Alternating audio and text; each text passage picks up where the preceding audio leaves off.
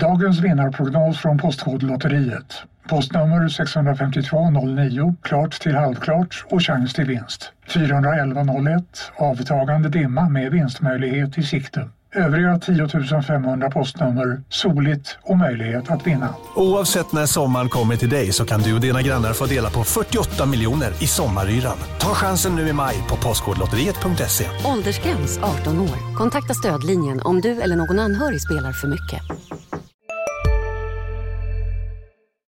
Tobias eh, Celedon gästar Landskrona Boys-podden. Jag, Erik Persson, träffade akademichefen för att prata om hur klubben har utvecklat sin ungdomsverksamhet.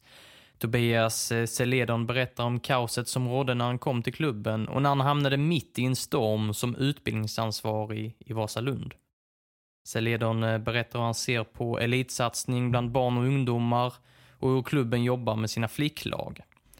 Han avslöjar också att P19-spelaren Andy Seinolahu har lämnat för en Serie A-klubb och att en mittbackstalang i form av Alec Brandt Erlandsson nyligen besökte Bologna. Tobias Seledon pratar också om varför det inte blev något med Viktor Blixt som nu är i HIF. Det och mycket mer när Landskrona Boys-podden möter Tobias Seledon.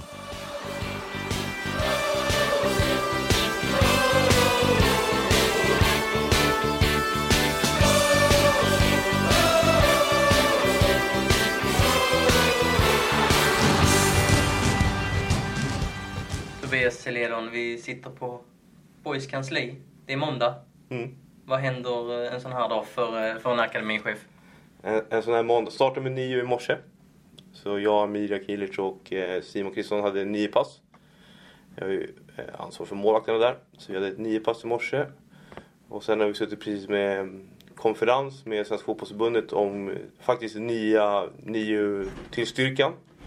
Som, eh, som söks nu. Eh, Sen ska vi ner och ragga lite spelare från A-laget till eh, idrottens dag. Så vi har 19 eh, oktober blir det mot Jönköping Södra. Så vi ska på skolbesök. Så vi ska ner och ragga lite med A-lagsspelarna. Ska de på skolbesök samma dag? så- Nej, inför, alltså inför. Hela, Inför, veck, ja. hela veckan nu så kör de skolbesök. Så ska jag bara tvinga ut dem i skolorna på, på ett bra sätt och eh, få hit kidsen den matchen den 19 mot J Södra. Eh, och sen är det lite möten på det i eftermiddag och sen kanske det finns någon träning ikväll. Det blir, ja, det är typ min måndag ser ut idag. Är det så från eh, morgon till kväll? Eh, det är så dagarna ser ut eh, i regel? Ofta. Det, det är väl mest möten och planeringstid på, på dagtid och sen så följer upp träningarna på kvällstid. Så, så så det ser ut ungefär en, en vanlig dag, en vanlig vecka. Innan vi drar igång med det absolut gottigaste så börjar vi med en faktaruta. Mm. Ålder, 33, bor, Landskrona, familj, i Stockholm. Inte Landskrona. tyngsta merit, Kräftcupen 96, sju år gammal. Nej, kräftkuppen. Kräftcupen, turnering ute i Sollentuna. Nej, jag vet inte. Eh, Som fotbollsspelare har gjort Kräftcupen. Ro- Första minnet i alla fall, första turneringssegern när man var 6 och 7 år gammal. Vi får ta det som, inte tyngsta merit, men roligaste merit kanske. Fritidsintresse, Eh, Fotboll. inspiratör, Svår fråga. Nej, ingen kom på ju- just nu så här. ditt livs värsta ögonblick. När i Vasalund var en spelare som dog. Eh, inte på fotbollsplan, men han dog under ett studentfirande. Och rodda med, med hela den eh, processen och ta hand om en halv förening som var förstörd. Och den gruppen och den familjen. Det var det tyngsta liksom, minnet som man fick ta tag i som man kanske inte var förberedd på. Ditt livs eh, bästa ögonblick. Jag får jobba med det jag vill göra varje dag. Eh, Det har gått ett par, par dygn sedan, sedan eh, Landskrona Boys vann med 5-0 mot eh, division 4-laget Viken i Mm. Åmål. Eh, Alen Smajic, 15 år, startade. Kamil Jebara, 18 år, startade. Mm. Kommer från de egna leden. Vad känner du när du ser tonåringarna ta, ta sådana kliv som de gör just nu? Men först och främst är det otroligt kul att de, eh, att de tar de stegen. Och någonstans är ett kvitto på att vår verksamhet faktiskt eh, producerar spelare. Jag kan ju tycka att en spelare är hur bra som helst. Men om Billy och Max och Amir inte tycker att de är tillräckligt bra för A-lagsgruppen så, så är ju inte vår verksamhet tillräckligt bra. Men uppenbarligen så tycker de att spelarna är tillräckligt bra så då gör vi någonting bra i ungdomsverksamheten också. det är väldigt kul och sen är det väldigt kul också att eh, Alen Smajic var och kollade på tre ungdomsmatcher dagen efter. Han är hemma på söndag, jag träffade honom på Landskrona IP, han kollade på P19 där först och sen så åker jag till Hulkavallen då har jag kollat på P6 med sina kompisar. Så det är ju någonstans en, en förebild. Jag vet att Camille brukar ner och titta på matcher också. Nu bor inte han i Landskrona utan i Lund. Men det är, en, det är en förebild för de andra också att visa att även om jag är uppe med A-lag och spelar matcher där så, så, så här, kommer ihåg sina rötter på något sätt och ändå engagera sig och kolla på ungdomslaget, vilket jag tycker är väldigt kul. Och det är, många gläds ju åt deras framgångar i, i, i deras åldersgrupper. En stor men viktig fråga. Hur mår eh, Boys Akademi? Bra. Vi skulle säga så att eh, jag har sagt på, på skoj, jag visste hur illa det varit 20, hösten 2018 när började så kanske jag inte tagit jobbet. Eh, men vi har gjort en, en, eh, en bra resa. Vi ska inte sticka under stol med att eh, vissa resultat kanske vi inte är helt nöjda med på våra äldsta åldersgrupper. Vi vill att 17 och 19 ska upp i, i en division till minst per åldersgrupp. Där har vi inte riktigt nått.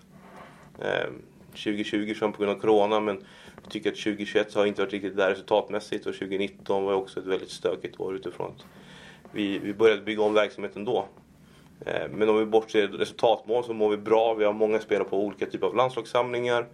Vi har haft ett gäng spelare som har provspelat utomlands. Eh, vi, eh, vi har nu ny, två nya spelare som ska på regional landslagssamling och vi har nio spelare från ungdomsverksamheten som fått ett A-lagskontrakt. Eh, så utifrån de parametrarna så tycker vi det ser bra ut och ser vi på vår basverksamhet så växer den också. Vi har flickverksamhet nu. Det går från 0 till 50 tjejer på ett och ett halvt år. Vi växer. När jag tog över 2018 var vi 170 barn. Nu är vi 250, jag tror vi 255. Och vi fortsätter växa. Jag tror vi har en kölista just nu på spelare som kommer in och provspelar hos oss på nästan 40 barn. I olika åldrar såklart. Så det finns ett intresse att börja Landskrona Boys, vilket vi tycker är jättekul. Om vi bara stannar där med, med P19-laget mm. då. De är två i sin division 1-serie. Mm. Bra bit från obesegrade Falkenberg. Mm. Eh, P17-laget är 11 i sin division 1-serie. Mm. Där möter ni klubbar som Astro, Kullavägen mm. och, Laholm. Mm. Hur, hur viktigt är det att ni tar, tar steget upp där till bättre serier? Jag tycker det är jätteviktigt att kolla P19-serien så har... Deras serie avgörs på tre matcher mot Falkenberg. Vinner de inte de tre matcherna så går man inte upp. Och sen vinner man resten nästan tvåsiffrigt varje match. Eh, så där behöver vi en betydligt bättre matchmiljö. För individen så kan vi absolut hitta en bra matchmiljö för de som är lite bättre, eller ligger lite längre fram just när de spelar u Men för att liksom höja hela lägstanivån så skulle vi behöva ta ett steg upp. Eh, ganska snart i den nya superettan-serien som skapas till nästa år. Eh, så U19. Och egentligen samma sak på U17 också där. Eh, vi spelar med ett väldigt ungt lag i U17. Vi spelar med, med ett och två år yngre spelare. Eh, eftersom vi har valt att liksom premiera de spelare som ligger långt fram. Och så ska man vinna en serie. Eh, men jag tycker att eh, vi behöver ta steg där, absolut. Resultatmässigt så behöver vi hitta en ny nivå.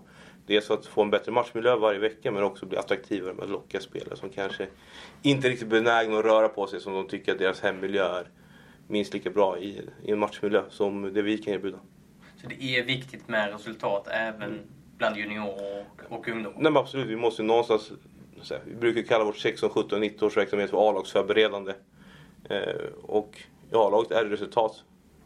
Oavsett hur mycket Bill Max pratar om prestationer så måste prestationerna vara tillräckligt bra för att göra resultat. Och då måste man lära sig att eh, resultat faktiskt spelar roll på de åldrarna.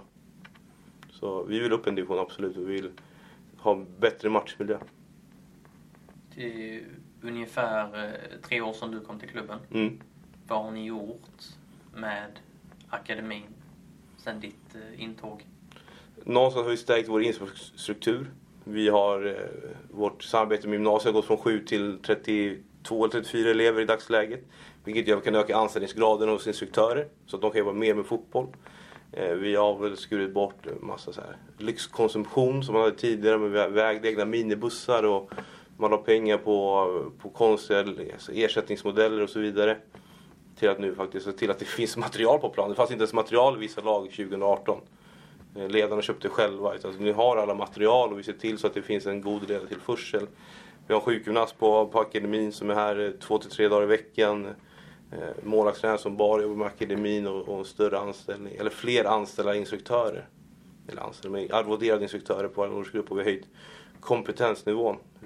Vi har väl en kravbild på att man ska ha minst UFAB som ansvarig tränare och gärna högre. Och det är väl det vi har lagt resurser på just nu, eller de här tre åren. Och jag tror att det kommer fortsätta bära frukt eh, framöver också.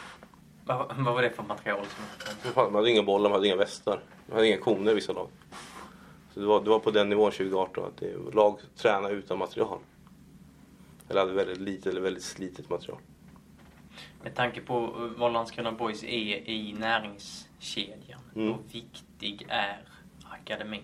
Väldigt viktigt. Vi kommer fortfarande inte ha råd att köpa spelare i den bemärkelse som man kanske gjorde för en 10, 15, 20 år sedan. Eh, Och har vi den strategin, då har vi ska fortsätta vara en majoritetsspelare som är när, från närområdet, så är ju akademin det första vi tittar på. Eh, Och det är väl den fotbollsgrupp vi sitter Vi har ingen sportchef utan sportrådet. Så att kunna ge exempel på om- Bill och Max har scoutat en spelare på som en högerback så ska vi kunna säga har vi, en- har vi motsvarande högerback i akademin. Det är det viktigaste först och främst. För det är den billigaste lösningen där och då. Sen kanske inte den spelaren på just den positionen är tillräckligt bra i dagsläget. Eh, men kanske nästa gång på nästa position. Om vi ser på Camille Jebara. Istället för att vi ska värva en utifrån så har vi en ytterforward i vår egen verksamhet. Eller nästa mittfältare som kanske är lite mer på sikt med, med Allen Smajic eller eh, William Ondrejka och Alec Brandt Erlandsson som mittbackar. Att Det behöver inte titta så mycket utifrån utan de kan få växa in i sin roll och sen kunna mantla den positionen och liksom ta vidare sen om kanske ett halvår eller ett år. Vil- Vilka är dina absolut tyngsta arbetsuppgifter? Tyngsta som är viktigast eller tyngsta som är jobbiga? Nej, ja, du får gärna ta båda om Ja. du vill. Men vi, vi, vi, kan börja med, ja, vi kan börja med jobbigaste då. Ja. Eh, nej men det är ju någonstans att vi, vi har liksom fått slita väldigt mycket med små resurser väldigt länge. Eh, det, är, väl- det är väl det kanske varit det tyngsta liksom vi får. Om vi ska koka soppa på en spik. Det har varit väldigt länge egentligen. Nu är det första gången inför nästa år vi kan börja prata investeringar. Någonstans. Den skuld vi har haft som var tvungen att tas bort har ju liksom påverkat hela verksamheten. Inte bara att vårt A-lag tränar 16.30 utan även att Eh, men många ledare gör många saker istället för att kunna lägga liksom, fokus på det. Man har flera roller i flera grupper eller man, man ställer upp liksom, ideellt på olika sätt där. Eh, det har kanske varit det tyngsta. Man själv har ryckt in flera gånger för att täcka upp liksom, de kunskaps... Eller här, de luckor som finns. Det har kanske varit det tyngsta. Det blir väldigt långa dagar ibland. Vad kan det vara? Jag vet att du har ryckt in som P15-tränare exempelvis. Ja, men det har varit Ibland P- grillad korv här i samband med A-lagets matcher. Nej, är, det, är det sådana grejer? Grillad korvvalsmatch har vi gjort nå- någon gång men det är ju mer för någon försäsongsmatch. Men, men det har varit att hoppa in som ledare i P15 till exempel nu eller hade P17-laget förra året. Eh, för att eh, vi hittade inte den kompetens vi eftersträvade. Eh, samma sak där på NIU, samma sak där. Vi hittar inte den kompetens vi eftersträvar till den budget vi har. Och så råkar jag ha den utbildningen och jobba som målvaktstränare i Stockholms fotbollsförbund tidigare. Så fick man ta den rollen. Så jag tycker det är sjukt kul att, att vara på NIU, liksom att vara nära verksamheten med de spelare som, som är väldigt ambitiösa med sin fotboll och på väg att ta steget. Eh, men det blir ju att väldigt många är väldigt mycket, Amir Akili kör hur mycket som helst också. Han är analytiker men han metodikansvarig, liksom hoppar in på camper. Liksom, det har varit väldigt tungt att, att be kollegor att jobba ännu mer än vad de redan gör. För att vi inte har råd att göra någonting annat. Det kanske har varit det, varit det tyngsta liksom, att, att göra de här åren. Att förhoppningsvis kan vi vara fler som gör mer spetsiga saker nästa år. Istället för att eh, liksom, vi ska alla dra, eller väldigt få ska dra i, i, i många saker. Och tyngsta, likhetstecken med Det viktigaste. viktigaste, nej men det är någonstans att vi skapar en miljö där spelarna tycker att det är attraktivt att spelarna ska vara boys. Och någonstans där spelarna tycker att det är sjukt kul att komma hit och träna fotboll. Det är absolut det viktigaste. Jag brukar säga till spelarna att jag är inte här för klubbens skull, jag är här för er skull. Så det skulle jag säga är min viktigaste uppgift, att skapa en bra miljö för spelarna. Men sen om vi pratar lite längre perspektiv, vi vet om att alla kommer inte bli elitfotbollsspelare. Så det är en viktig uppgift där också att alla ledare och även jag själv ser till att spelarna blir goda samhällsmedborgare som det är så fint. Att de får verktyg att kunna klara sig ute i, i vuxenlivet i framtiden. Som fotbollsspelare eller elitfotbollsspelare men även som, eh, så kanske som domare eller liksom bara som en, en, en bra anställd på en arbetsplats. Ja, För just det här med att, att fostra goda samhällsmedborgare, det sa du när du blev presenterad av klubben i september Mm. 2018. Kan du utveckla det resonemanget? Det, det är ju fina ord Mm. och, och lätt att säga det, men hur gör man i praktiken? Ja, men, om vi ska göra det väldigt konkret och enkelt. Att, lära sig komma i tid. Att ha en eh, god arbetsmoral. Att vara en, eh, en bra kompis. Att eh, ha respekt för andra oavsett vilka åsikter man har. Man kan tycka olika men vi har respekt för andras åsikter. Det är väl det vi tycker liksom, att vara en god samhällsmedborgare. Liksom, om vi tar några korta konkreta exempel på att, vad, vad vi trycker på hela tiden. Att vi, vi reagerar som ledare om vi tycker att någon eh, Men någon använder ett tvivelaktigt språk eller ett tvivelaktigt beteende mot varandra. Att vi agerar och trycker på de sakerna direkt för att verka som goda förebilder. Det tycker jag var en god samhällsmedborgare. Eh, ni håller på att skapa ett mer attraktivt Landskrona Boys både på seniornivå och ungdomsnivå. Hur funkar det när ni lockar spelare till klubben till akademin? Mm. Från ett ungdomslag i en annan klubb till, mm. till ett ungdomslag i, i Landskrona Boys. Hur, hur funkar en sån process i regel? Nej, men process funkar väl att eh, vi, vi scoutar spelarna såklart. På ett eller annat sätt. Antingen i deras hemmiljö eller om det är via någon av de STU-samlingar alltså, som eh, Skåneboll har, alltså distriktssamlingar. Så de har där och sen så har vi en kontakt med föreningen. Eh, och i de flesta fall så är föreningen positiva till att släppa spelarna. Eh, vi, vi håller inte på med att värva spelare bakom ryggen. Det är inte, det är inte vårt sätt att jobba på. oss, att det är en liten stad där relationer är väldigt viktiga. Så där är vi väldigt tydliga med att vi tar kontakt. Och det är samma sak när spelare tar kontakt med oss. Vi har en intresseformulär på vår hemsida alltid innan vi bjuder in spelarna till provspel hos oss så har vi ett OK från, eller ett godkännande från eh, lämnande förening. Så att det inte finns några obetalda skulder eller att spelaren ens spelar i den föreningen. Det visar sig att spelare har skrivit att de spelar i en viss förening. Men sen vi kontaktar dem så har de inte alls tillhört den föreningen som de tillhört en, en tredje part och så får man liksom reda ut vad som har hänt där. Så vi är väldigt noggranna med att, eh, att vi tar ansvar att spelarna inte har någonting eh, i sitt bagage med sin gamla klubb och inte bara bett att spelaren tar kontakt med sin klubb som är kanske kutym nere i Skåne. Att, ja men så ses vi. Men jag är okej med min klubb och så har man kanske haft någonting ogjort där som man inte vill berätta för. Hur upplever du att, att eh, relationen med andra småklubbar, lokala klubbar mm. här i regionen ser ut?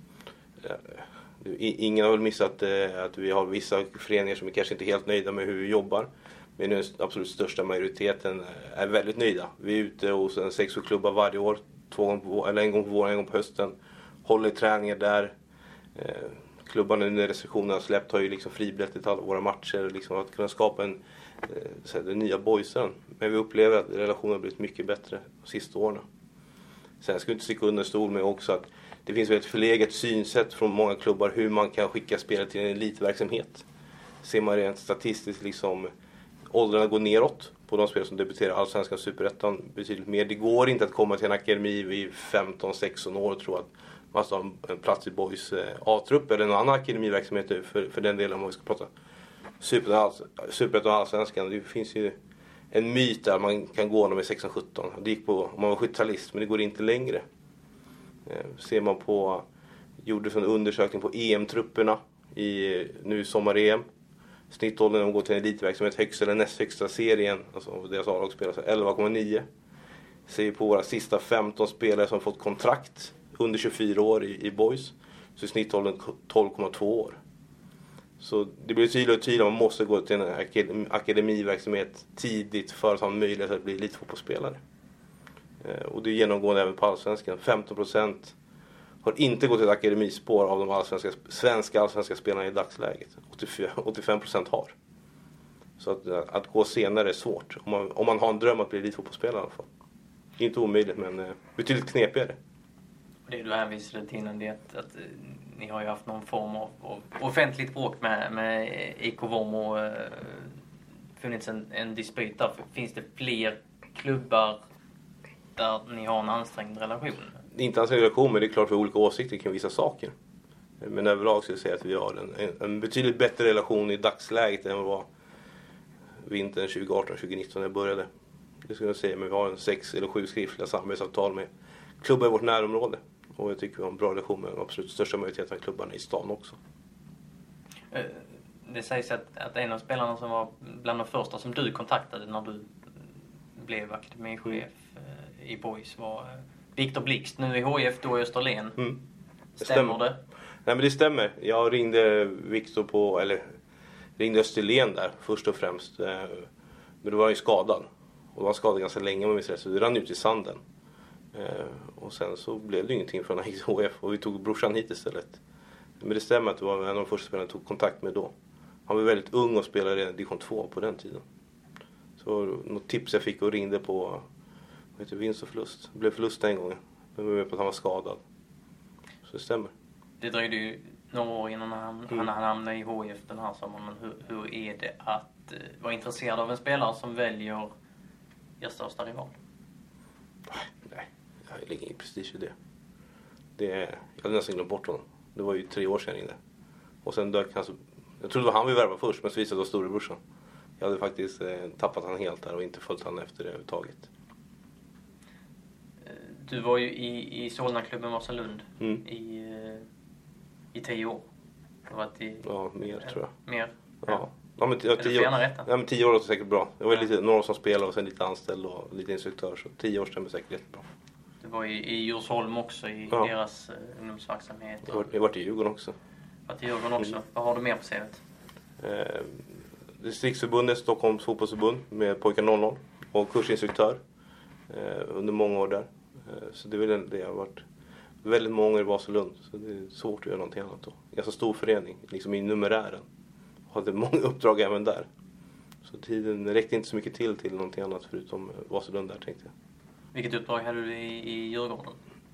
Det var ju faktiskt mitt första tränings- tränaruppdrag. Så jag var någon typ av lärling och gick bakom någon mer rutinerad. Det var en säsong bara. Djurgården är ju min moderklubb också så det var en naturlig övergång från spelet till att bli ledare. Eh, Så det var väl eh, därifrån jag startade egentligen alltihopa med tränarkarriären. Hur gammal var du då? 16-17. Hur hamnade du här då? I Landskrona? Ja men någonstans kan det ha varit 20... 2017. Så tröttnade jag. När man jobbar i föreningslivet så jobbar man ju liksom hela tiden. Det blir väldigt mycket. Så jag var inne i näringslivet, hade kvar ett uppdrag i både Vasalund och sen Djursholm då. Som instruktör på U21 och U19. Eh, och så satt jag med eh, två vänner. Filip Berglund som jobbar i Hammarby nu och sen Linus Malmborg som har spelat i eh, Assyriska och Gävle. Och så satt vi och hur kan vi hur kan man någonstans implementera Eh, saker från näringslivet för att göra föreningslivet bättre? Så satt vi och diskuterade under, under ett halvår. Eh, till och från. Och sen sommaren 2018 så annonserade ju faktiskt eh, Boys sin tjänst på Facebook. Den rollen jag har idag. Och där Linus Malmö taggade in mig och tänkte, här kan du testa din idé, någonting sånt skrev han. Och så på den vägen var det egentligen. Att, så här, kanske dags att efter två och ett halvt, två och ett halvt år i näringslivet att ta sig tillbaka kanske till föreningslivet och liksom implementera de idéerna man hade därifrån. Hur man strukturerar upp, strukturerar upp och gör det effektivare. Så hamnade jag här. Så du verkade i näringslivet i, i två och ett halvt år? Ja, I vilken roll? alltså, ja, först på en startup med, med en kompis. Så inom vårdsektorn. Så var där hjälpte han med kommunikation. Jag har en utbildning som kommunikatör i botten. Så hjälpte jag med lite kommunikation och lite sälj och sen som säljare på ett annat företag därefter. Jobbade du med fotbollen parallellt då? Fotboll parallellt, ja. Så jag hade U21 i Vasalund och sen hade jag U19 i Djursholm. Under 2018. Så du har, från att du slutade spela det och du var lärling i Djurgården Mm. så, så, så har du hela tiden varit, varit med i, Mm. i den svenska fotbollsfamiljen så att säga. Ja. Men Du, som sagt, du blev presenterad av Boys september 2018 och Mm. anställningen började väl gälla från 1 januari där. Mm.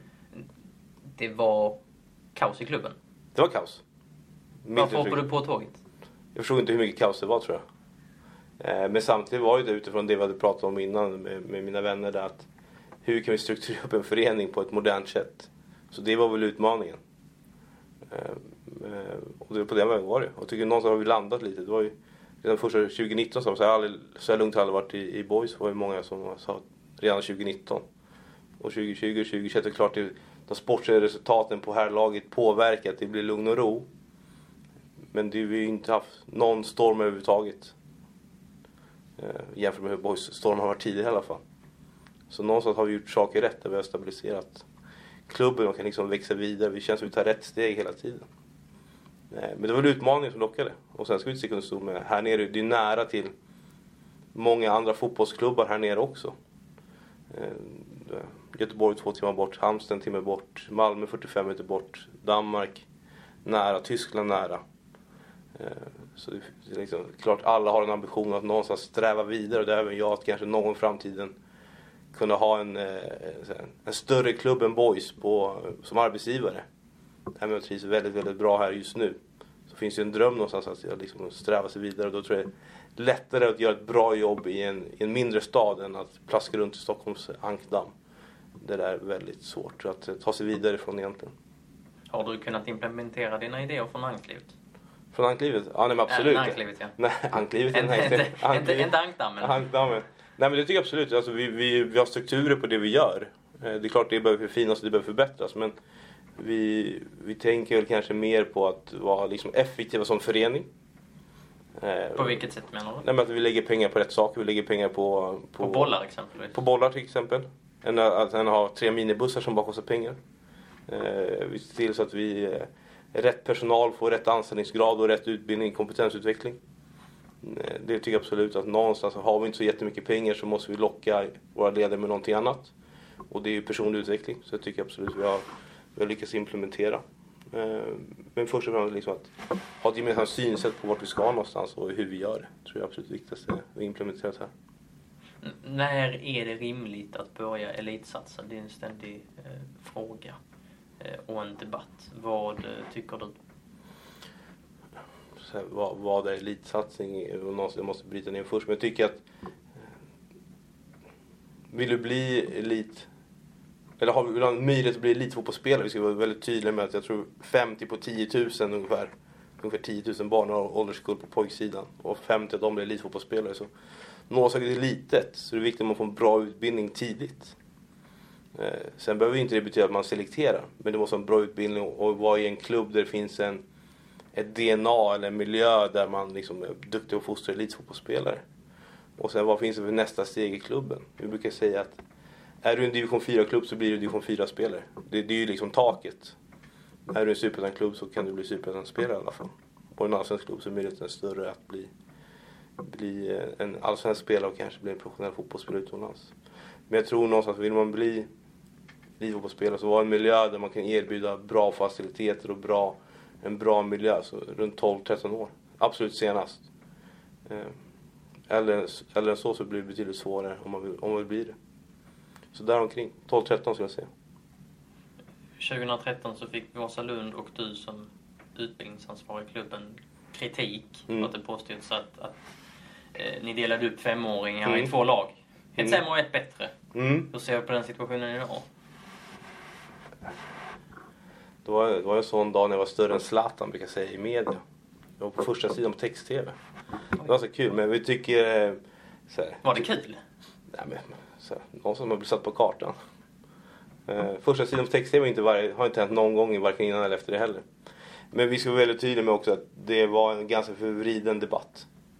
På vilket Ja. sätt? Nej, men I den mån så att om vi kollar. Eh, vi hade sex eller sju lag, kvarterslag.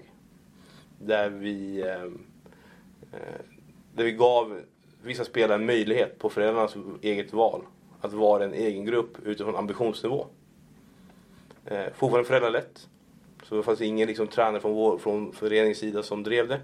Samma träningstider, samma material, exakt samma förutsättningar. Men skillnaden var någonstans att de som kommit lite längre fick vara en egen träningsgrupp. Eh, och orsaken till det var att vi märkte att de, när de var i sina egna träningsgrupper så var ju de de tränade mot varandra, de två i den gruppen. Ingen fick nudda boll och de fick nudda väldigt mycket boll. Som gjorde att vi märkte att många barn slutade. De tyckte inte det var kul för de fick aldrig låna bollen på en träning. Så testade vi det projektet under två, tre år och vi märkte att vi växte i barngrupperna. Eh, Det är ganska intressant och jag var på Island för tre veckor sedan med, eh, med SEF. Svensk elitfotboll? Ja, som svensk, ett precis. Svensk elitfotboll där vi gjorde studiebesök, hur man nivågrupperar. De gjorde exakt samma sak som vi gjorde 2013. Och de märkte att barnkullarna växte också, att i princip alla spelar fotboll. I, eller 50% tror jag spelar fotboll i varje ålderskull i, på Island. Sen har man lite andra incitament, att det är nära direkt kopplat till skolan och sådana saker. Men de nivågrupperar på varje träning. Så tanken de bedriver nu och är väldigt framgångsrik för dem, för att behålla numerären, var någonting vi gjorde 2013 redan. Så den debatten blev ganska snedvriden, för det var ingen elitsatsning överhuvudtaget. Utan det var ett sätt att nivågruppera för att fler barn skulle fortsätta spela fotboll. Varför reagerar folk så kraftigt tror du? Vi paketerar nu dåligt. Eh, och, vi, och det är en debatt som kan vara svår att vinna sen också. Eh, kanske speciellt i media. Så kan det vara svårt att vinna en sån debatt. Vi var nog inte riktigt, eh, vi var inte riktigt beredda på den storm som skulle komma. Eh, och sen så var vi inte riktigt tillräckligt skarpa i den kommunikationen utåt heller. För att liksom hantera på ett bra sätt. Eh, men jag tror nog fortfarande på den idén att man ska spela på den nivå man är i. Däremot ska alla spela lika mycket. Och alla ska ha samma förutsättningar i de åldrarna i alla fall. Men du sa att det har fortsatt eller ni höll på med detta i två, tre år. Precis, sen gick ju Solna stad och fritidsnämnden in och stoppade och sa att om ni, inte, om ni inte lägger ner det här så drar vi in alla era bidrag. För en stor klubb som Vasalund så är det rätt så mycket bidrag som man skulle bli av med eh, om man hade fortsatt. Är det aktuellt att implementera liknande idéer i Landskrona Boys? Att, att dela in lag så långt ner i åldrarna? Eh, Mm, nej, vi är alldeles för få.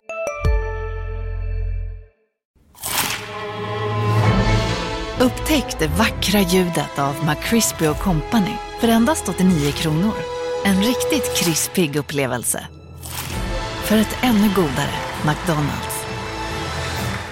Hej, Synoptik här. Visste du att solens UV-strålar kan vara skadliga och åldra dina ögon i förtid? Kom in till oss så hjälper vi dig att hitta rätt solglasögon som skyddar dina ögon. Välkommen till Synoptik. Få i numerären. I Vasalund hade vi 200 barn per åldersgrupp. På 6-7 olika ålders, alltså så här, områdeslag. Eh, så här där, där funkar det att göra så. Det finns ett underlag, här finns ett underlag. Här är det viktigt för oss att se till så att så många barn som möjligt som vill spela fotboll ska ha möjlighet att göra det. Och det är vår största utmaning, vi är inte tillräckligt mycket ledare på, på basverksamheten, alltså 5 till 12 år. Eh, vi har ju massa barn i kölistor som vi inte får in för att vi inte har tillräckligt med ledare. Sen får vi vrida och vända på hur vår, vår verksamhet ska bli bättre men vi kommer inte göra någon selektion eller någon uppdelning på vår egen verksamhet innan, innan akademiålder vid 17 år. Det kommer vi inte göra. Och det är viktigt att komma ihåg det här att man vill skapa goda samhällsmedborgare Mm. och, och eh, att många får vara med. Mm. Att alla får vara med i så pass ung ålder. Nej, men, vi, ni? nej, men vi har ett folkhälso, folkhälsouppdrag också. Att aktivera så många barn som möjligt. Eh, Sen, får vi, sen kommer vi få en utmaning med att grupperna är väldigt spretiga kunskapsmässigt. Vissa börjar senare, vissa börjar tidigt, vissa spelar fotboll varje dag, vissa spelar bara fotboll på träningarna. Det är ju verktyg som vi måste ge våra ledare så att de kan hantera de utmaningarna framöver. Men tog ni det ansvaret i Vasalund? Alltså folkhälsan och, och att skapa goda så Ja, men tänk om du har 2000 spelare så, så har du ett perspektiv först och främst. Jag tror att det 2000 spelare och av dem var 150 akademin som vi hade där.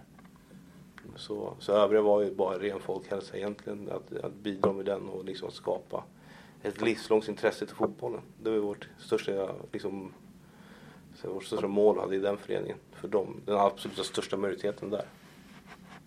Det, det är ju lätt att, komma in på Allen Smajic. Eh, när man pratar om framtidsmän i Landskrona Boys. Eh, 15 år som sagt och redan Mm. A-lagsdebuterat. Hur, hur länge har, har han elitsatsat? Han kom till oss sommaren 2019. Så inte varit Det var en gissning, eller? Nej, det var sommaren 2019. Midsommar 2019 fick jag samtal att det var ett gäng killar från Vormo som skulle gå över till oss. Så jag hade en hel midsommarafton där jag höll på och försökte få spelarna att stanna kvar i Vormo och spela klart säsongen, men de vägrade. Eh, Så det, jo, jag kommer ihåg rätt väl vilka, datum det var. Eftersom det, hela midsommar gick åt att försöka lösa det där så att inte ett helt lag skulle gå från Vormo till, till oss. Och Allen Smajic var en av dem. Alice Majic var en av dem. Och han var väl ganska framträdande där. Och sen ska vi vara väldigt tydliga med en sån spelare som Alice Majic är inte en produkt av vilken förening han är i. Det är en produkt av fotbolls-DNA från familjen. Liksom det är fotbollsfamilj på ett helt annat sätt. Han hade slagit igenom hos oss, HF, Malmö oavsett. Sen kanske det går lite snabbare hos oss. Att med, med den ekonomi vi har, att vi släpper fram dem snabbare. Men vi ska tydliga med att i Alice fall så är han inte uppe i A-laget för att han är ung. Han är uppe i A-laget för att han är bra. Men han har slagit igenom vilken klubb som han än har varit i. Vad har han för kapacitet? ska jag inte sätta någon för stor press på en 15-åring. Men det ser ju onekligen intressant ut eh, när han spelar U21 och möter ett bra motstånd. Tycker kanske den här division 4-matchen inte var något riktigt, eller division 4-motståndet kanske inte var en bra värdemätare. Men han, gör en väldigt bra match mot Mjällby U21. Han gjorde en, en bra match mot Kalmar U21 också. Sen gjorde han lite svaga matcher mot, mot Värnamo också U21. Det ska vi inte, ska vi inte sticka under stol med. Liksom, Värnamo kom ett bra lag den matchen också. Då hade han lite tuffare och spelade på ett annat sätt. Det var ett diplomatiskt svar. Ja, nej men jag, det är mer för Allens skull. Jag, jag tror väldigt mycket på honom i alla fall. Eh, fyra stjärnor, det är vad Boys Academy har. Mm, För de som inte har koll. mm, De här stjärnorna som man kan få när taket är, är fem. mm. Ehm, hur fungerar den processen? Det, är- det är från svensk elitfotboll. Den processen kommer göras om till nästa år. Okej, Så vi kommer nog inte ha fyra stjärnor nästa år. berätta. Man gör om hela eller om vi tar från början, man startade för tio år sedan en utveckling av Tipslit-projektet som var att man skulle ge förutsättningar till, eh, till eh, eh, klubbar att anställa tränare. Så var, det startade 92 och sen blev certifiering för 10 år sedan blev en fortsättning på det. Man skulle se över hela verksamheten, inte bara juniorlaget. Eh, och då och så, har man ett besök där man går igenom liksom styrdokument i klubben och liksom lite vilka nivåer och sen hur, hur många spelare man får fram till elitfotboll och så finns det en, en räknesätt för att räkna ut att har man spelat i A-landslag gånger antal år man spelat ungdomsverksamhet så får man maxpoäng på 144 poäng. Och sen så räknas det ner beroende på vilken nivå man är ner till division 1 nivå. Som ger typ 4 poäng per säsong och sen 2 poäng per säsong. Så det är väl där vi har varit och Boys har liksom på spelarmeriten på ganska här, gamla meriter. Mycket Jonas Olsson och bröderna Farnerud har varit med tidigare som har genererat väldigt mycket höga poäng. Sen hade man ju många år där man inte genererade så mycket spelare till, till, till professionell fotboll överhuvudtaget. Ehm, så det är väl så det sett ut. Så infrastrukturpoängen, vi kollar liksom tränartäthet, tränarutbildningar, Eh, specialistroll och så vidare. Där har vi ökat sen jag kom hit i poäng. Men vi har legat stilla ungefär på de poängen vi har på elitfotbollsspelare som faktiskt är professionella spelare. Men till nästa år så görs skalan om. Det blir en, eh, en sjugradig skala istället för en eh, femgradig skala. Eh, alla klubbar i, i SEF-familjen, eller Tipselit, eller så kallas certifieringsfamiljen, eh, bävar. För ingen kommer ha kvar sina stjärnor. Vi har pratat om om vi kan nå tre stjärnor så ska vi vara nöjda. Vi kanske kan sikta på fyra. Men om vi pratar med större klubbar i, eh, i fotbollssverige så säger de att vi kommer gå för fem. SEF själva säger att ingen klubb ska nå sju första året. Och det gör man någonstans för att det har varit en inflation på, på fem stjärniga klubbar. Så man stramar åt hela processen och ställer högre krav för att man tror det någonstans kommer gynna att fler klubbar bedriver en bra verksamhet. Ehm, så det blir, ehm, det blir en utmaning nästa år för många klubbar. Jag tror många kommer slita, slita sitt hår för att eh, försöka nå, nå en rimlig nivå. Liksom, man själva kanske har en självbild på att man ska vara egentligen i certifieringen. Så Malmö FF exempelvis kommer inte vara fullstjärniga antagligen? Nej men jag, jag, tror personligen, det finns två klubbar i Sverige just nu som jag tror kan nå en, kanske kan nå en sjustjärnig nivå. Det är Malmö och AIK. Kanske. SEF tror inte att de kommer nå dit. Eh, men de, det är de två klubbarna som tror har potentialen att lättast nå dit, eller tidigast kommer nå till sju stjärnor. Någon klubb kommer ju nå dit till slut, men sen om det är Malmö och AIK som de första, vi får se. Men jag tror de har störst potential att nå dit. Jag tror vi i Boys ska vara nöjda om vi kan nå tre, kanske fyra på den nya stjärnan. Eller nya skalan. Det, det skulle vara ett väldigt bra betyg till vår verksamhet i så fall om vi, om vi når dit. Det kan bli två också. Det kan bli en. Vi får se. Vi ska avsluta årets certifiering först innan vi sätter oss in i nästa års certifiering. Men det är väldigt mycket kopplat till anställningsgrad och eh, utbildningsnivå på ledarna. Som, eh, och specialistroller som liksom att verksamheten ska bli bättre på plan för att man ska få bättre resultat sen. Hur viktigt är det att få många stjärnor? jag vet inte, du kan ha bra verksamhet utanför många stjärnor men jag tror att det är ett bra mätinstrument att se vad man måste förbättra. Det tror jag absolut att det är.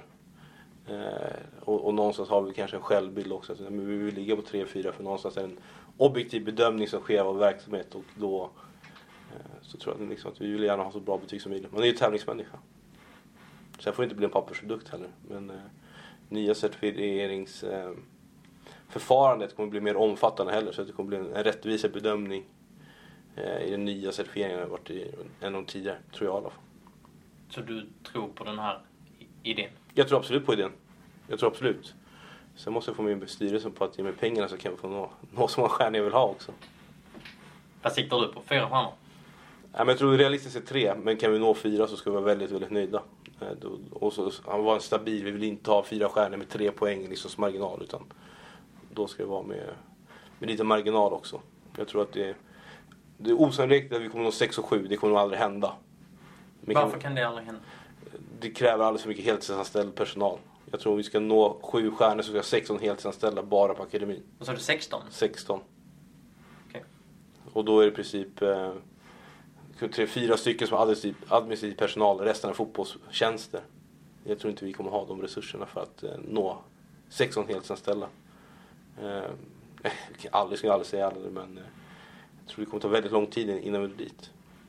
Hur många är heltidsanställda i Boys nu? På ungdom? På ungdom. Antal personer eller i procent, det är väldigt olika. Ja, du får gärna ge båda, Nej, båda nej, vinklarna. Nej, men jag, jag är på 100%, Amir på 50% och Amir Jakilic som du precis. nämnde. Och sen Simon Kristiansson på 50%. Det är vi som är jobbar på ungdom. Eh, Från bröderna Farnerud, Rasmus Lindgren Mm. eh, och Jonas Olsson till Rasmus Alm, eh, Armin Gikovic, Jakob Ondrika, Patrick Wadike. Mm. Boys har stolta anor Mm. vad gäller talangproduktion. Mm. Här och nu. Mm. Vem är den största talangen? Bortsett de som inte har avtal, eller de som har avtal också. Eh, du får ge två svar där också om du vill. Ja. Jag- om, vi, om vi börjar med begreppet talang så jag var på någon föreläsning med Lars Lagerbäck som han har ju en talang är en spelare som inte har lyckats. Så någonstans brukar jag utgå från det så att spelare som inte har slagit igenom eh, också viktigt så att du måste ta dig igenom det lilla nålsögat också till att börja med. Eh, och det kommer ett väldigt diplomatiskt och tråkigt svar. Jag tycker vi har en väldigt intressant noll, grupp född eh, 07-08. Där finns väldigt många intressanta spelare och så även vår 08-grupp. Det är 13-14-åringarna. Men någonstans är de som har gått in i vår nya utbildningsmodell på ett helt annat sätt. Och vi tycker att de är betydligt längre komna än vad motsvarande kullar varit tidigare. Men sen har vi väldigt mycket intressanta spelare som med William Ondrejka, Jakob Ondrejkas lillebror som fick ett avlagskontrakt just nu. Som har gjort bra matcher i u Jag tror väldigt mycket på Alec Brandt Erlandsson fortfarande. Han har haft mycket problem med skador under året. Men var väldigt duktig nere i Hellas Verona. Var hos Bologna också och provspela. eh, Nu under hösten. Eh, Och du pratar ju fortfarande om hans debut mot Motala ibland. Hans Ja. fem minuter. Hans fem minuter mot Motala, ja. Mm. De var glimrande. Mm. Eh, Så där har vi Felix Brandqvist som har gjort det bra i U21. Vi har eh, Och så är det Elis Brandqvist, ja, i, eh, gjort bra i U21. inom mitt fältare. innermittfältare eller ytterforward, lite beroende på hur vi spelar. Eh, sen tycker vi har en, ett helt gäng, eller ett helt gäng, men vi har lite intressanta spelare i, i gruppen till, alltså Alice Majsholis grupp, där vi har några spelare till som ser intressant ut där och någon till 05 som ser intressant ut. Och de som är lite närmare i tiden till att kanske knacka på dörren till A-laget eller u Så finns en del spelare där. Ehm, Så det, det finns, men om vi ser liksom i jämna grupper där många kan kanske slå hela vägen så är vår 07 och 08-grupp där. Jag tror att flera spelare kan gå hela vägen där. Om vi spelar våra kort rätt närmaste åren framöver. Du var inne och snuddade på det tidigare, men hur ser akademin ut på flicksidan? Vi kommer inte ha en akademi på Flixen på det sättet utan vi växer organiskt. Ungdomsverksamheten? ungdomsverksamhet, nej, ungdomsverksamheten är ett bättre ord. Vi har många tjejer som hör av sig. Vi ska ha ett eh, möte nu på onsdag där liksom vi har en hel tjejgrupp som har någonstans sökt sig och vill börja hos oss. Vi har sagt att vi behöver lite fler. Så en öppen informationsträff. Det är lite äldre tjejer som är, född, som är 13-14 år gamla. Men sen växer vi hela tiden på, på yngsta. Vi valde ju att vi startar på knatteskolan så jobbar vi underifrån hela vägen. Så att runt 50 tjejer spelar vår verksamhet i dagsläget. Men då är det ju födda 2016 till 2012. Och det är så vi vill bygga, liksom, att vi bygger organiskt underifrån, att det får växa därifrån. Det finns spelare som du har jobbat med i, i Stockholmsklubbarna som, har, som kan leva på sin fotboll Mm. idag. Kan du nämna några som du har jobbat med eh, innan din tid i Landskrona Boys? Nej, men det är ju för liksom, man har jobbat i Vasalund i många år så passerar ju många spelare därigenom. Eh, sen jobbar jag i Stockholms fotbollsförbund också med distriktsverksamheten. Eh, och, där är väl kanske den största stjärnan är väl Dejan Kulusevski. Eh, Bilal Hussein som är AIK just nu och Son Berlin som är i u landslaget de två sistnämnda. Så kanske inte lika kända men liksom är på väg att slå igenom nu. Hampus Sundell i Djurgården. Eh, spelar också i det laget där. Sen tar vi från tiden i, Vasalund. Eh, Alexander Milosevic lite granna. Vi är ganska nära ålder men jag började min tränarkarriär ganska tidigt och han var väl 14-15 då. Eh, Isak Hie nu som är Vasalund men utlån från Djurgården. Det är väl liksom de jag kanske kommer på just nu som är på väg att, slå igenom. Sen ska jag vara väldigt tydlig med att jag ska inte säga att ta åt mig äran på någon av de här spelarna. Men det har kanske påverkat lite granna. Eh, vilket är väldigt kul att ha följt dem, liksom väldigt unga till att de nu börjar slå igenom på den stora scenen på riktigt i alla fall. Det är i hans fall. Men du har ju varit tränare och, och nu är du akademichef Mm. och du har haft diverse olika roller. Mm. Trivs du bäst utanför planen eller trivs du bäst innan, innanför de kritade linjerna? Nej, men jag, jag trivs väl kanske att ha en, en kombination mellan det. Jag tror inte att jag kommer vara fotbollstränare. Det är den, inte tåget har gått, men jag tror den karriären har gått. Jag tycker det är roligare att, vara, att styra verksamheten. Däremot gillar jag att vara på plan i lagom dos. Och det får du vara nu. Det får vara nu. Liksom tre gånger i veckan med nio är ganska lagom för mig. Då kan jag vara där. Inga, inga matcher som binder upp den på det sättet. Så. Det är, tycker jag ganska lagom dos. Även fast jag har ansvar för målvakterna där som är gammal målvaktstränare i botten så, så kan jag ibland hoppa in om Amir är borta någonstans med A-laget eller Simon är iväg på en utbildning så kan jag ta en åldersgrupp och köra där. Vilket jag tycker är alldeles lagom. Eh, och sen hoppa in och ta lite träningar då och då när det inte regnar, det inte blåser och liksom vindstill och solen skiner. Då är det kul att stå på träningarna ibland. Och för de eh, lyssnarna som inte hänger med på vad mm. NIO är? Nationell idrottsutbildning, alltså det är fotbollsprogrammet på gymnasiet. Har du varit mål, var du målvakt när du själv spelade? Jag var målvakt när jag spelade. Hade nog kanske något i division 2 som spelade men eh, uppe i Vasalunds A-lag en, en del, de spelade i division 1 då. Jag satt på bänken någon träningsmatch bara. Närmare så kom det inte. Det var, inte, det var inte tillräckligt bra. Jag kan inte slänga mot vänster. Okej, okay, det var bara höger? Jag kan bara slänga mot höger. Ja, det är ju en nackdel. Ja, och rätt, och rätt taskiga fötter har jag också. Jag blev bättre på fötterna när jag blev tränare, när man såg kickar och väntade på spelarna, när man spelade själv. Och du slutade i tonår? Slutet av 18, skadade mig. Jag hade väl ambitionen att komma tillbaka. Men för att ha en närhet till fotbollen så hoppade jag in och liksom tog lite tränaruppdrag i Vaslund men även i Djurgården också på den tiden. Det var lite knatteskola, det var lite fotbollscamper. Jag insåg ett, det är roligare, två, jag är mycket bättre på det här än att bli fotbollsspelare. Så på den vägen var det egentligen. Varför har du riktat in dig på spelarutveckling? Nej, men jag tycker det är sjukt kul att se liksom, dels att de växer som fotbollsspelare, men också att de växer som människor. Att kunna påverka unga killar, ja, det är främst killars liv då, liksom, till att eh, ta rätt beslut i livet. Och någonstans att det kan klicka. Om vi tar i ett eh, lokalt exempel, Alex Brandt, Erlandsson, så eh, vi hade ett ganska tufft samtal sommaren när han var 15. Jag tyckte att han började slänga bort rätt mycket av sin fotboll. Till att ett år senare så började vi prata om att fan, nu är det nära att kanske få träna med A-laget. Någonstans det klickar lite om man, om man ser den processen. Eh, och tre dagar efter vi pratade nära A-laget så stod han på sin första A-lagsträning och sen så gjorde han sin debut två månader senare ungefär, eller det var sex veckor senare. Så det, det är sjukt kul att se när, när sådana pusselbitar faller på plats. Och det är väl det, det som gör att man, man, man, tar sig hit liksom sju på morgonen och så kör man fram till åtta på kvällen vissa dagar i veckan. Så, ja, men det, det är kul när, när, när, det händer. Och även liksom människan landar och fotbollsspelaren landar och gasar. Eh, förra veckan så, så testades två spelare från Karlberg, Osman mm. Diawara och Gustav Lindgren som mm. du tränade i Djursholms mm. eh, ungdomslag. Mm. Hur ser din ditt samarbete ut med, med A-lagets tränarstab? Mm. Alltså i, i det här fallet så var det faktiskt av en slump. Eh, Billy och Max hade ju fått deras namn på andra håll. Och de frågade mig om jag kände till dem. Ja, jag kände till dem. Jag har ju tränat båda två. Så det, liksom, startsträckan blev ganska kort när vi kunde bjuda ner dem. Eh, men annars sitter vi väldigt nära dialog. Vi sitter vägg i vägg och vi har våra fotbollsgruppsmöten där vi diskuterar olika typer av spelare. Och där jag, jag har någonstans tagit en position, okej okay, men om vi pratar om, vi tar högerbacken, har vi en högerback i akademin som är aktuell istället? Och testa innan vi testar honom utifrån. Det är mer den rollen jag har i, i den gruppen. Att kunna lyfta fram våra egna spelare framför vi värvar någonting utifrån. Hur ser ditt avtal ut? Eh, tills, vid, nej, men tills vidareanställd.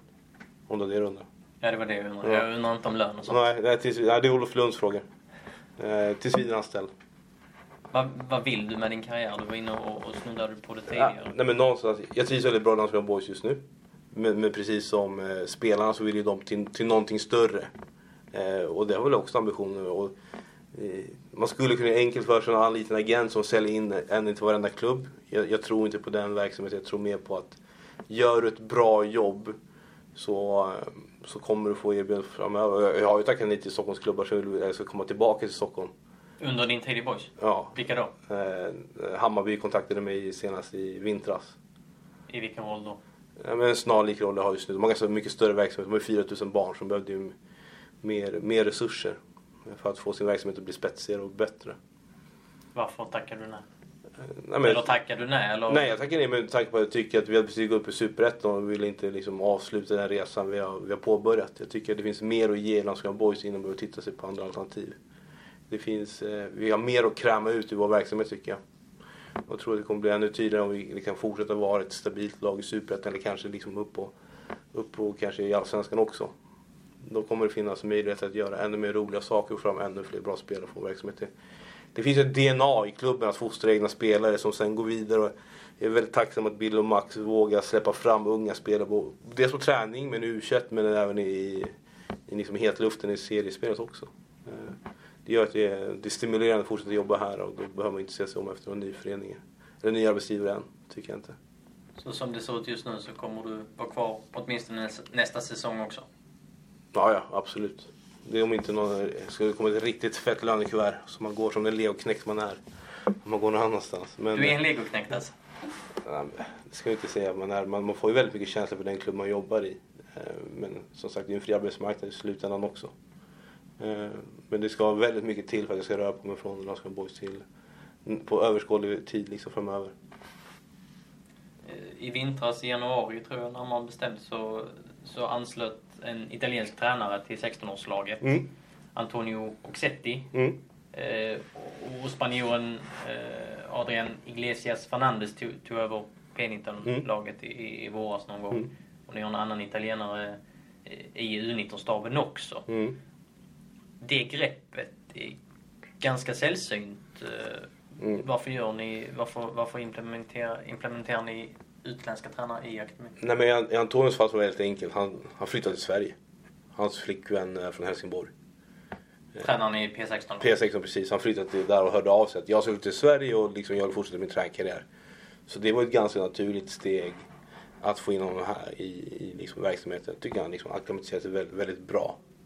Eh, där. Sen har vi ju eh, vi skulle sticka en stol med att i U19 så blev det en omstrukturering väldigt sent den 14 december när vi satt på vad heter Hotell Skansen i Båstad och firade uppflyttningen så blev vi inkallade till Billy, Max och Michel och sa att vi vill upp Amir i, i eh, A-lagsgruppen. Nästa säsong ska vi spela Superettan. Så då ska man ut på sin tränarjakt till U19 med viss kvalifikationsgrad som krävs utifrån SEF och skola och sådana saker. Så att försöka hitta en tränare tio dagar innan julafton var inte det lättaste. Eh, och då följde det på, på efter eh, vi hade en hel del namn ute liksom, men det var han vi kunde lösa till slut. Eh, som har den, eh, den utbildningsgrad som vi eftersträvade och kunde tänka sig att ta jobbet. Hur har det, hur har det gått när det, när det snart har gått en hel säsong? Nej men det är klart att det finns vissa kulturella skillnader. Eh, det ska vi inte sticka under stol med, liksom, de kommer från mycket större fotbollsländer. vilka har haft sina utmaningar där. Men sen liksom tycker jag att de har infört en viss typ av kultur att, liksom, att, att träna mer. Att, att träna längre. Eh, att eh, bli mer professionella i det, i det, tänk, eller det, det man gör varje dag. Som man kanske tycker är självklart. Liksom, men liksom man, det är lätt att det blir slentrianmässigt när man har samma synsätt. Alla går samma utbildningar i svensk fotboll och så vidare. Och så kommer vi två tränare utifrån. En som har en spansk pro-licens och sen en som har en sin utbildning från, från den italienska skolan där liksom så här, men kan vi vrida och vända lite på de här sakerna eller varför ska vi alltid träna 90 minuter? Vårt U19 tränar aldrig under två timmar. Så det är någonstans att du måste träna mer om du ska bli bättre. Om man tränar alla lika mycket så blir det svårt till slut. I alla fall på den nivån där liksom volym är ganska viktigt. Vad ligger rekordet på eh, antal träningsminuter för, för ett pass i U19-laget? Ja, jag tror det längsta U19 har gjort var fem och en halv timme. Då började de med en och en halv timme video och sen tre timmar på plan. Det är väl det längsta vi gjort på, på en lördag. Eh, schemat stod i två timmar. Så de gasade ganska länge den dagen. Det får vi kalla elitsatsning. Det får vi kalla elitsatsning, absolut. Och, men det är ju 19-åringar, de, de bestämmer själva över sina liv. Eh, och vissa har, har inte liksom orkat med det heller. Man har sagt att om det är här som krävs så, så kommer inte jag med på det här. Och vissa har tagit ganska stora steg framåt av det också. Hur många har slutat under den här säsongen från U19? Fem, sex stycken kanske. Någon har flyttat och ska plugga och gått ut gymnasiet och så vidare också. Men fem, sex stycken tror jag. Vill ni som klubb vara så pass ja, men, hårda mot, mot eh, elittänket även i den att, att det ändå blir en handfull som Nej men det tror jag nog liksom att... Eh, nej men det tror jag liksom ska man... Eh, taket kan inte vara någon ska Boys A-lag. Eh, utan taket måste vara någonting, någonting liksom större, någonting högre upp i liksom fotbollshierarkin än de ska Boys A-lag. Och jag tror att Ska man förbereda sig för att ta sig dit så tror jag att du behöver det och liksom vara beredd på att göra de uppoffringarna. Det tror jag. det var ju provspel i Italien. Det har varit det lite olika Mm. länder för, för er spelare. Eh, För ett år sedan så var, var Camille Jebara nu i A-laget och Jas Johansen, Wilmor Nilgård Johansson och Malik Schreim eh, och bekanta sig med Arezo, Mm. Serie C-klubb. Det är något konkret intresse där? Var det aktuellt med eh, en flytt för någon av spelarna? Nej men det fanns ett konkret intresse för Camille, det fanns det. Ehm, inte att vi kom ett kontrakt på bordet. Ehm, pandemin slog ju till ordentligt sex veckor efteråt igen. Ehm, och liksom hela Italien stängdes ju ner så då rann väl det ut i sanden. Men det fanns ju ett tydligt intresse från, från deras sida innan vi åkte att vi vill gärna gå vidare på det här på något sätt. Eh, och sen blev det ingenting på, på, på grund av pandemin där. då. Och en av de spelarna, Malik Schreim, fick ju lärlingskontrakt när, när du var färsk Mm. i klubben. Ja, Eh, två ungdomslandskamper på meritlistan, Mm. men har inte figurerat i A-laget. nej. Hur är, hur är status på honom i, idag? När man, om kollar liksom, om man pratar fotbollsutbildning generellt så är ju ing, den är inte linjär utbildning och liksom, det har ju inte varit linjär för liksom Malik heller. Det har varit upp och ner. Han har varit lite skador och sådana saker men någonstans skulle han behöva landa kanske lite mer i sig själv. I att liksom ta instruktionerna. Han har en väldigt hög högsta nivå fortfarande. Eh, men har väl haft lite svårt att acklimatisera sig till eh, A-lagsverksamheten han har varit där och tränat. Eh, så han får stå lite på tillväxt ett, ett tag framöver och se vad vi landar i. Men det finns väldigt mycket fotboll i, i, i den killen så vi hoppas att någon att, att det släpper. Och vi pratade innan liksom, att ibland släpper för spelare bra så, som tar steget. Eh, Men just så på tillväxt eh, framöver hoppas att han tar nästa steg in, inom kort. Alec Brandt Erlandsson som du har nämnt och, och Mm. Andy Mm. eh, har bekantat sig med Serie A-klubben Mm. Verona och Mm. Alec Brandt Erlandsson var också i Bologna, Bologna nämnde du. Mm. Berätta. Det är större klubbar än Arezzo i Serie C. Ja, vi ska- vi ska vara väldigt ärliga. Andy hade inget avtal med oss. Så Andy har faktiskt valt att flytta till Italien. Eh, och spela med deras Primavera-lag. Eh, så eh, där, där är vi just nu. Han spelar på ett amatörskontrakt så det finns ju inget utbildningsuppdrag i dagsläget att hämta hem. Och I Verona alltså. i Verona. Och det är alltid en risk med att man tar dit okontrakterade spelare att man kan faktiskt hamna där. Att, att de väljer att spela amatörfotboll där på de- deras ungdomsnivå. Eh, och i Alex fall så, så finns det väl eh, ett, ett löst intresse från Bolognas sida. Men vi får se om det kommer någonting på bordet. Han har ju ändå ett avtal med oss så vi får, då får köpa ut honom i så fall om de är intresserade. När var eh, Brandt Erlandsson i Bologna? Klart en månad sedan kanske. Sex veckor sedan. Och där är nere i en tio dagar. Hur är, hur är intresset generellt sett för honom? Bland andra klubbar? I Sverige finns det inte så stort intresse. De vet om ett kontrakt så ska man köpa loss en ung spelare. Så det, intresset är ganska lågt. Sen har han haft problem med mycket skador och sånt eh, under hela våren egentligen. Eh, så jag hoppas att han kan få en skadefri höst nu och sen liksom få fortsätta växla upp och börja träna med A-laget. Han har gjort väldigt, väldigt många bra matcher i, eh, u tycker jag nu under hösten. Mot alltså, Värnamo borta och så tycker jag han gör väldigt bra matcher där. Hur resonerar ni kring Andy Seinulahu när ni tog honom på provspelet och Mm. inte hade honom på kontrakt Mm. och, och när det sen blev aktuellt med flytt som Mm. dessutom verkställdes? Ja, men någonstans får vi se vart, vart står vi i näringskedjan fotbollsmässigt. Eh, om, eh, om inbjudan ges till killarna att testa i en, i en större fotbollsmiljö så tycker vi att killarna ska få chans att göra det. Det är väl absolut viktigaste. Vi måste förstå att vi är inte, vi är inte störst i fotbollsvärlden på långa vägar. Vi vill bara kolla på Newcastle nu. Eh, att det är lite skillnad på, på hur mycket pengar som finns i, i, i klubbarna. Eh, och då tycker vi att killarna ska få en, en ärlig chans. Sen är det ju upp till oss att argumentera för de här spelarna och varför är Landskrona Boys ett bättre alternativ. Eh, I många fall så lyckas vi. Att de stannar kvar här och tycker att det är ett bättre alternativ här. Men i Andys fall så kände han att eh, han vill testa och eh, få förutsättningar att spela i Italien där. Det är liksom, resurserna är helt annorlunda och kan lägga helt, helt andra möjligheter på, på fotbollen där nere än vad kan göra i Sverige. Ville ni behålla honom? Ja, vi vill bara, absolut. Eh, Men samtidigt vill vi inte stå i vägen heller för om Andy vill gå vidare och testa någonting annat, speciellt när vi inte har avtal med honom heller. Men det är, en- det är en chansning att ta ner en spelare som är okontrakterad, så är det alltid. Vad är det för typ av spelare för de som inte har koll? Andy är väl en väldigt skicklig spelare en mot en. eh, Och eh, eh, väldigt duktig en mot en eh, och eh, liksom attackerar liksom motståndarens backlinje. Det är väldigt skicklig som en offensiv mittfältare. Erbjöd ni honom kontrakt? Nej. I, samband med eh, Andy Seinullahus och, och Alec Brandt Erlandssons provspel i, i Hellas Verona i maj så sa du att Landskrona Boys vill bli en mer säljande förening. Mm. Och ni hoppades på en permanent övergång. Mm. Det hör man inte vara idag eh, från akademichefer. Då, då handlar det väl snarare om att, att, att, att lyfta, alltså snack om att lyfta upp spelarna i, i, i det egna A-laget. Eh, Ja, men, men någonstans får vi se så att om vi har om vi pratar liksom pengar i fotbolls-Europa så är det betydligt mer pengar för liksom, man säljer unga spelare på potentialen, kanske spelare som är färdiga till A-laget. Det är klart att vi önskar att spelarna ska gå upp i vårt A-lag och sen därifrån få ett skyltfönster och sen säljas därifrån. Men det är inte alla som går den vägen. Eh, och som sagt, vi får inte glömma bort att det finns många fotbollsklubbar i världen som kan erbjuda en resursstarkare miljö än vad än Landskrona Boys kan erbjuda. Eh, och så kan köpa spelare ungt och, och liksom tidigt. Eh, Så det är klart att kommer det bud så kommer vi lyssna på dem. Sen kanske inte alltid vi tackar ja till om vi tycker att det är, om vi tycker att det är skäligt. Eh, Men är, men är det det och det är spelarens vilja att faktiskt lämna så ska vi försöka hitta lösningar för de spelarna. Kanon. Tack så mycket. Tack!